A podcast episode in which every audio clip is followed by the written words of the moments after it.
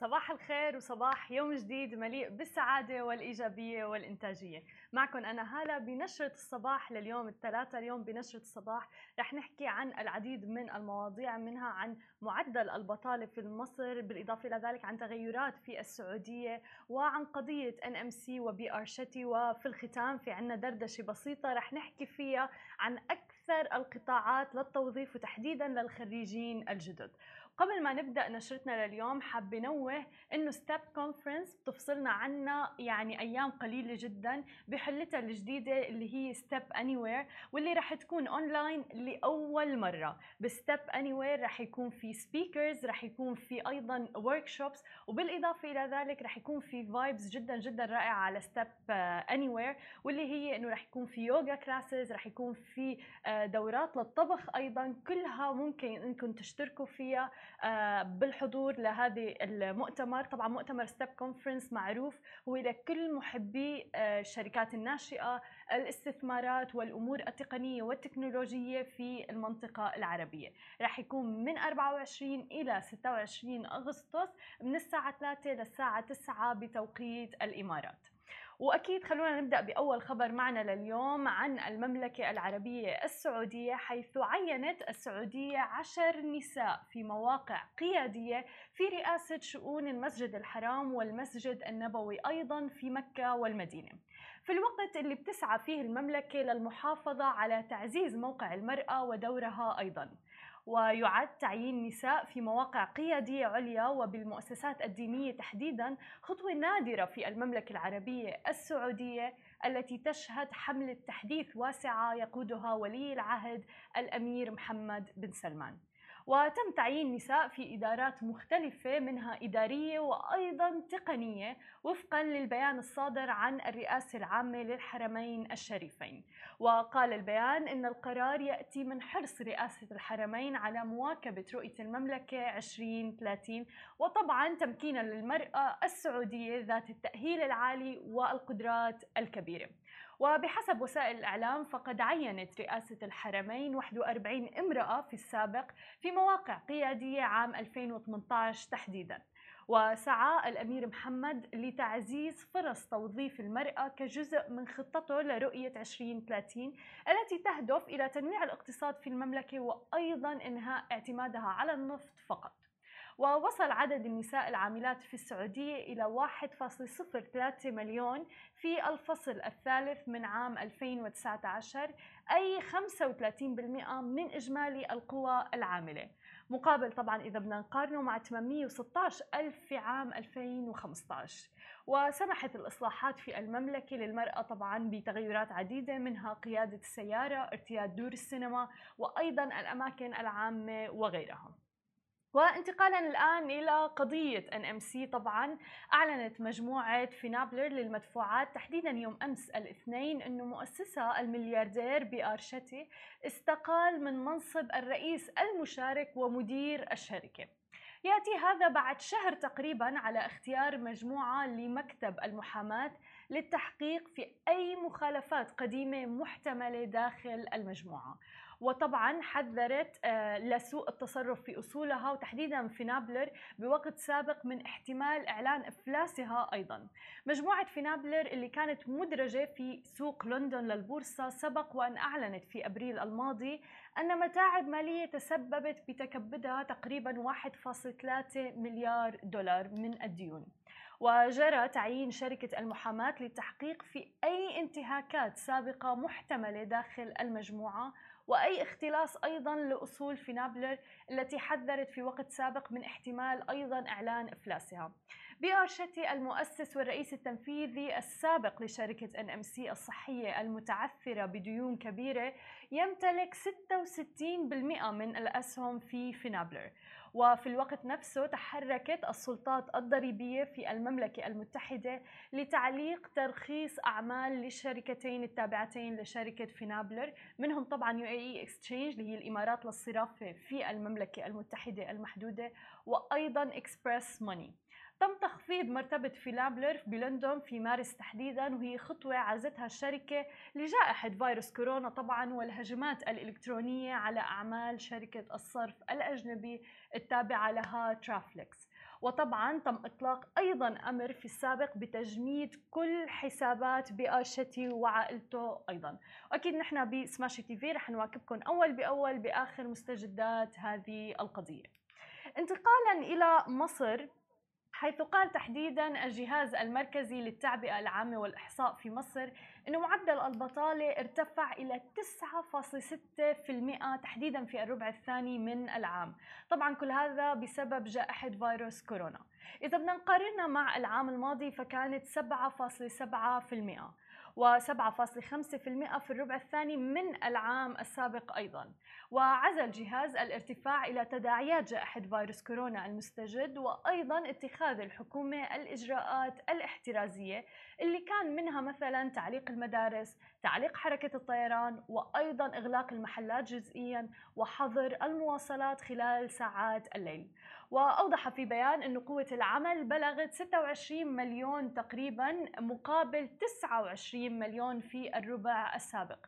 وهذا انخفاض كان بنسبة تقريبا 8% في حين بلغ عدد العاطلين عن العمل 2 مليون تقريبا بزيادة 480 ألف عن الربع المقابل قبل عام. طبعا مثل ما بنعرف أثرت جائحة كورونا بشكل كبير على قطاع التوظيف وتحديدا قررنا أنه نخصص يعني الختام لحلقتنا لندردش على استبيان عن الخريجين الجدد تحديدا في الشرق الأوسط وشمال أفريقيا لعام 2020 واللي قالوا فيه إنه أكثر من 8 من 10 من خريجين جدد بالإمارات يعني تقريبا 84% إنه التعليم اللي تلقوه قام بإعدادهم للحصول على وظيفة في القطاع اللي بيطمحوا للعمل فيه.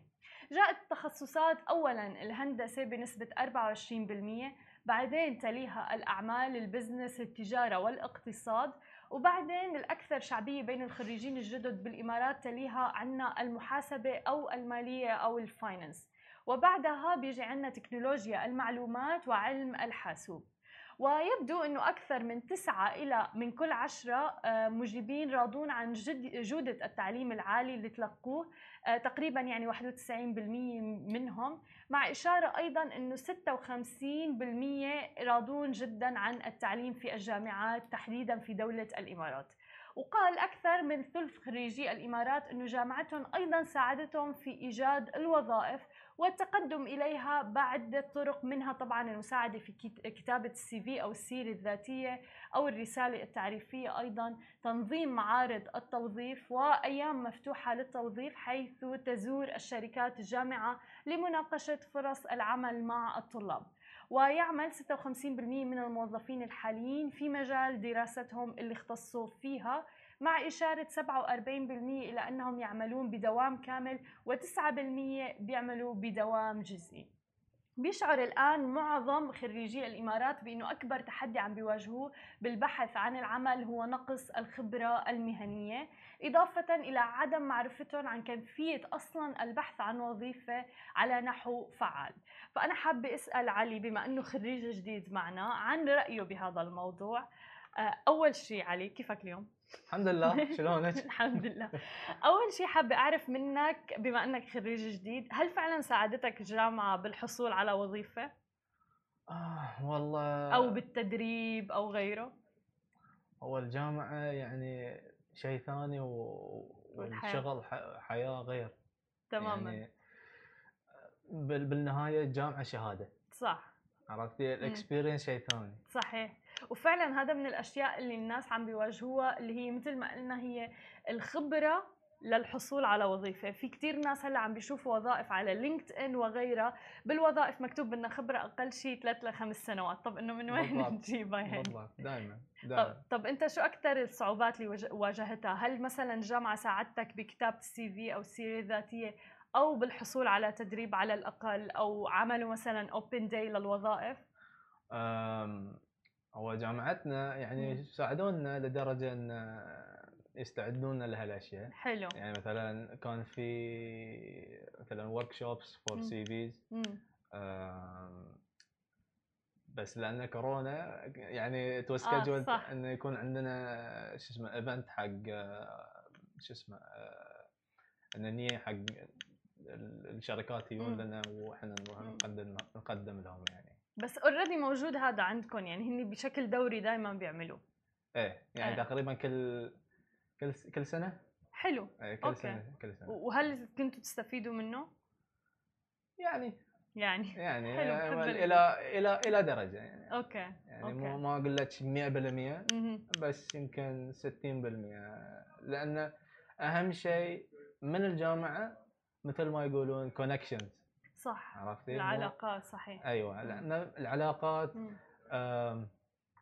بس على على الطالب إن يدرب يتدرب خارج الجامعة. صحيح. عشان يجهز روحه يعني لل work life حلو. طب هل شفت صدمة بين حياة الجامعة وحياة آه، العملية؟ صراحة. إيه. في البداية بس بعدين آه بعدين يعني تعودت يعني عادي. هل تتوقع الجامعة لها دور معين لازم تلعبه لحتى تقلل من هي الصدمة اللي عم بيعانوا منها كثير أفراد؟ هو الجامعة مثل ما يقولون experience يعني experience الجامعة. آه مثلا آه لازم تعيشين آه حياة الجامعية.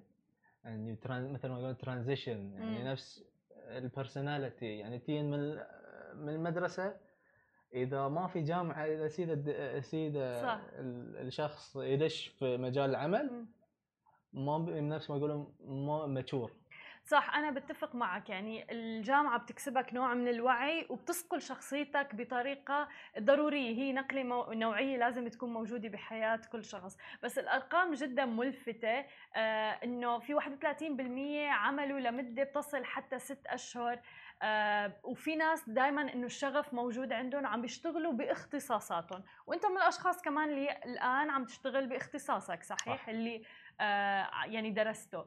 آه وبيتوقع أيضا حوالي ثلاث أرباع من الخريجين إنه يحصلوا على راتب أساسي بوظيفتهم الأولى بينما بيتوقع 51% منهم الحصول على تأمين طبي شخصي.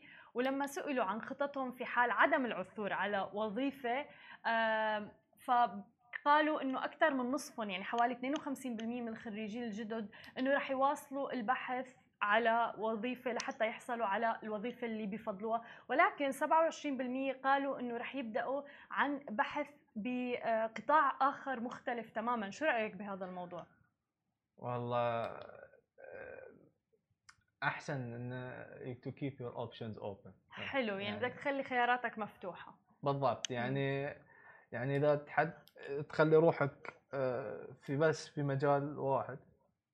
ما ما بتوصل مكان.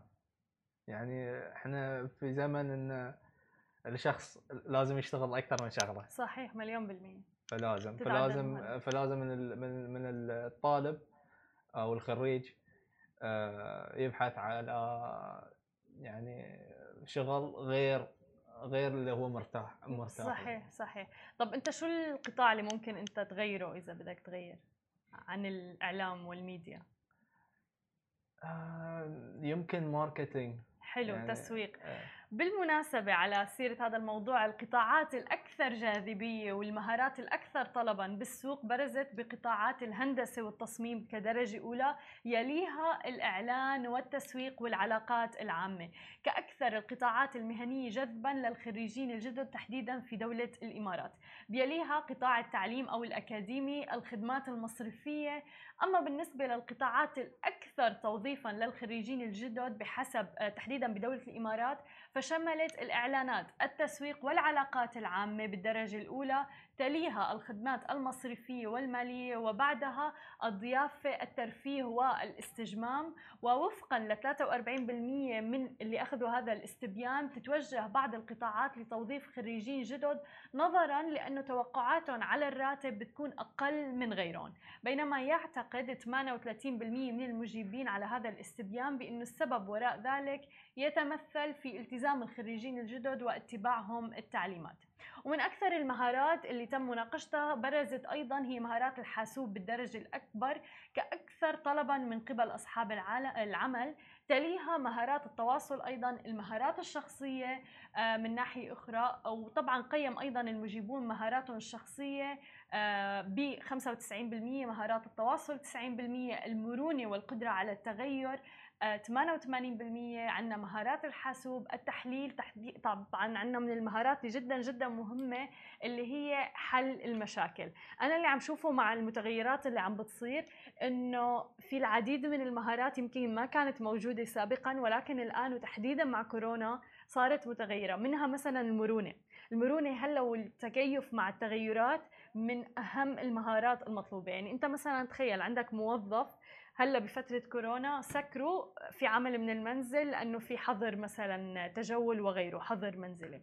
أه تخيل أنت أنه مثلا يستاء الموظف وما يقبل بهذا الشيء وتعا خليه يتكيف وياخذ معه الموضوع مثلا شهر لحتى يتكيف بهذا الموضوع. طب انتاجيته رح تقل شغله رح يقل وبالتالي يعني خسائر للشركة ولصاحب الشركة ولغيرها صحيح؟ هو صح بس على الشركة آه نفس ما يقولون ادبت لازم آه لازم يغيرون نظام نظام الشغل عشان يعني يوصلون مرحله يعني يوصلون مرحلة انه ما ما يدشون في في خسائر. صحيح. صحيح. يعني أنت برأيك إنه على الشركة في عاتق كبير إنه كمان يتكيفوا أيضا مع المتغيرات؟ لازم. آه. لا يعني هاي يعني لازم هاي هاي هاي هاي حياة لازم. أنا برأيي من اللي عم شوفه يعني من أهم المهارات اللي لازم تكون عند الموظف هي حل المشاكل اللي هو ال problem solver يعني الموظفين في موظف ممكن يجيك إنه تجي مشكلة فورا يتلبك ما يعرف يحلها بالعكس يعني مثل ما بيقولوا بزيد الطين بلة يعني. فبتوقع هذا موضوع جدا مهم. حل المشاكل المرونة أيضا أيضا جدا جدا مهمة. وأنا بصراحة من الأشخاص اللي بتهمني ال attitude وشخصية الموظف أكثر بكثير من المهارات اللي بيمتلكها. لأنه المهارات بتعلمها لأي شخص عنده حب التعلم وغيره متعطش للتعلم. ولكن صعب إنك تدرب شخص يكون مرن يكون عقليته متفتحة لحل المشاكل وغيره. بالضبط. صحيح؟ شكرا لك ولرأيك علي لليوم مداخلتك. هذه كانت أخبارنا لليوم. ما تنسوا تتابعونا على كل مواقع التواصل الاجتماعي الخاصة بسماشي تي في. تسمعوا البودكاست تبعنا وتنزلوا ال application. بشوفكم أنا اليوم الساعة تنتين ببرنامج مال وأعمال بأخبار مفصلة أكثر عن عالم ال business والاقتصاد تحديدا في المنطقة العربية.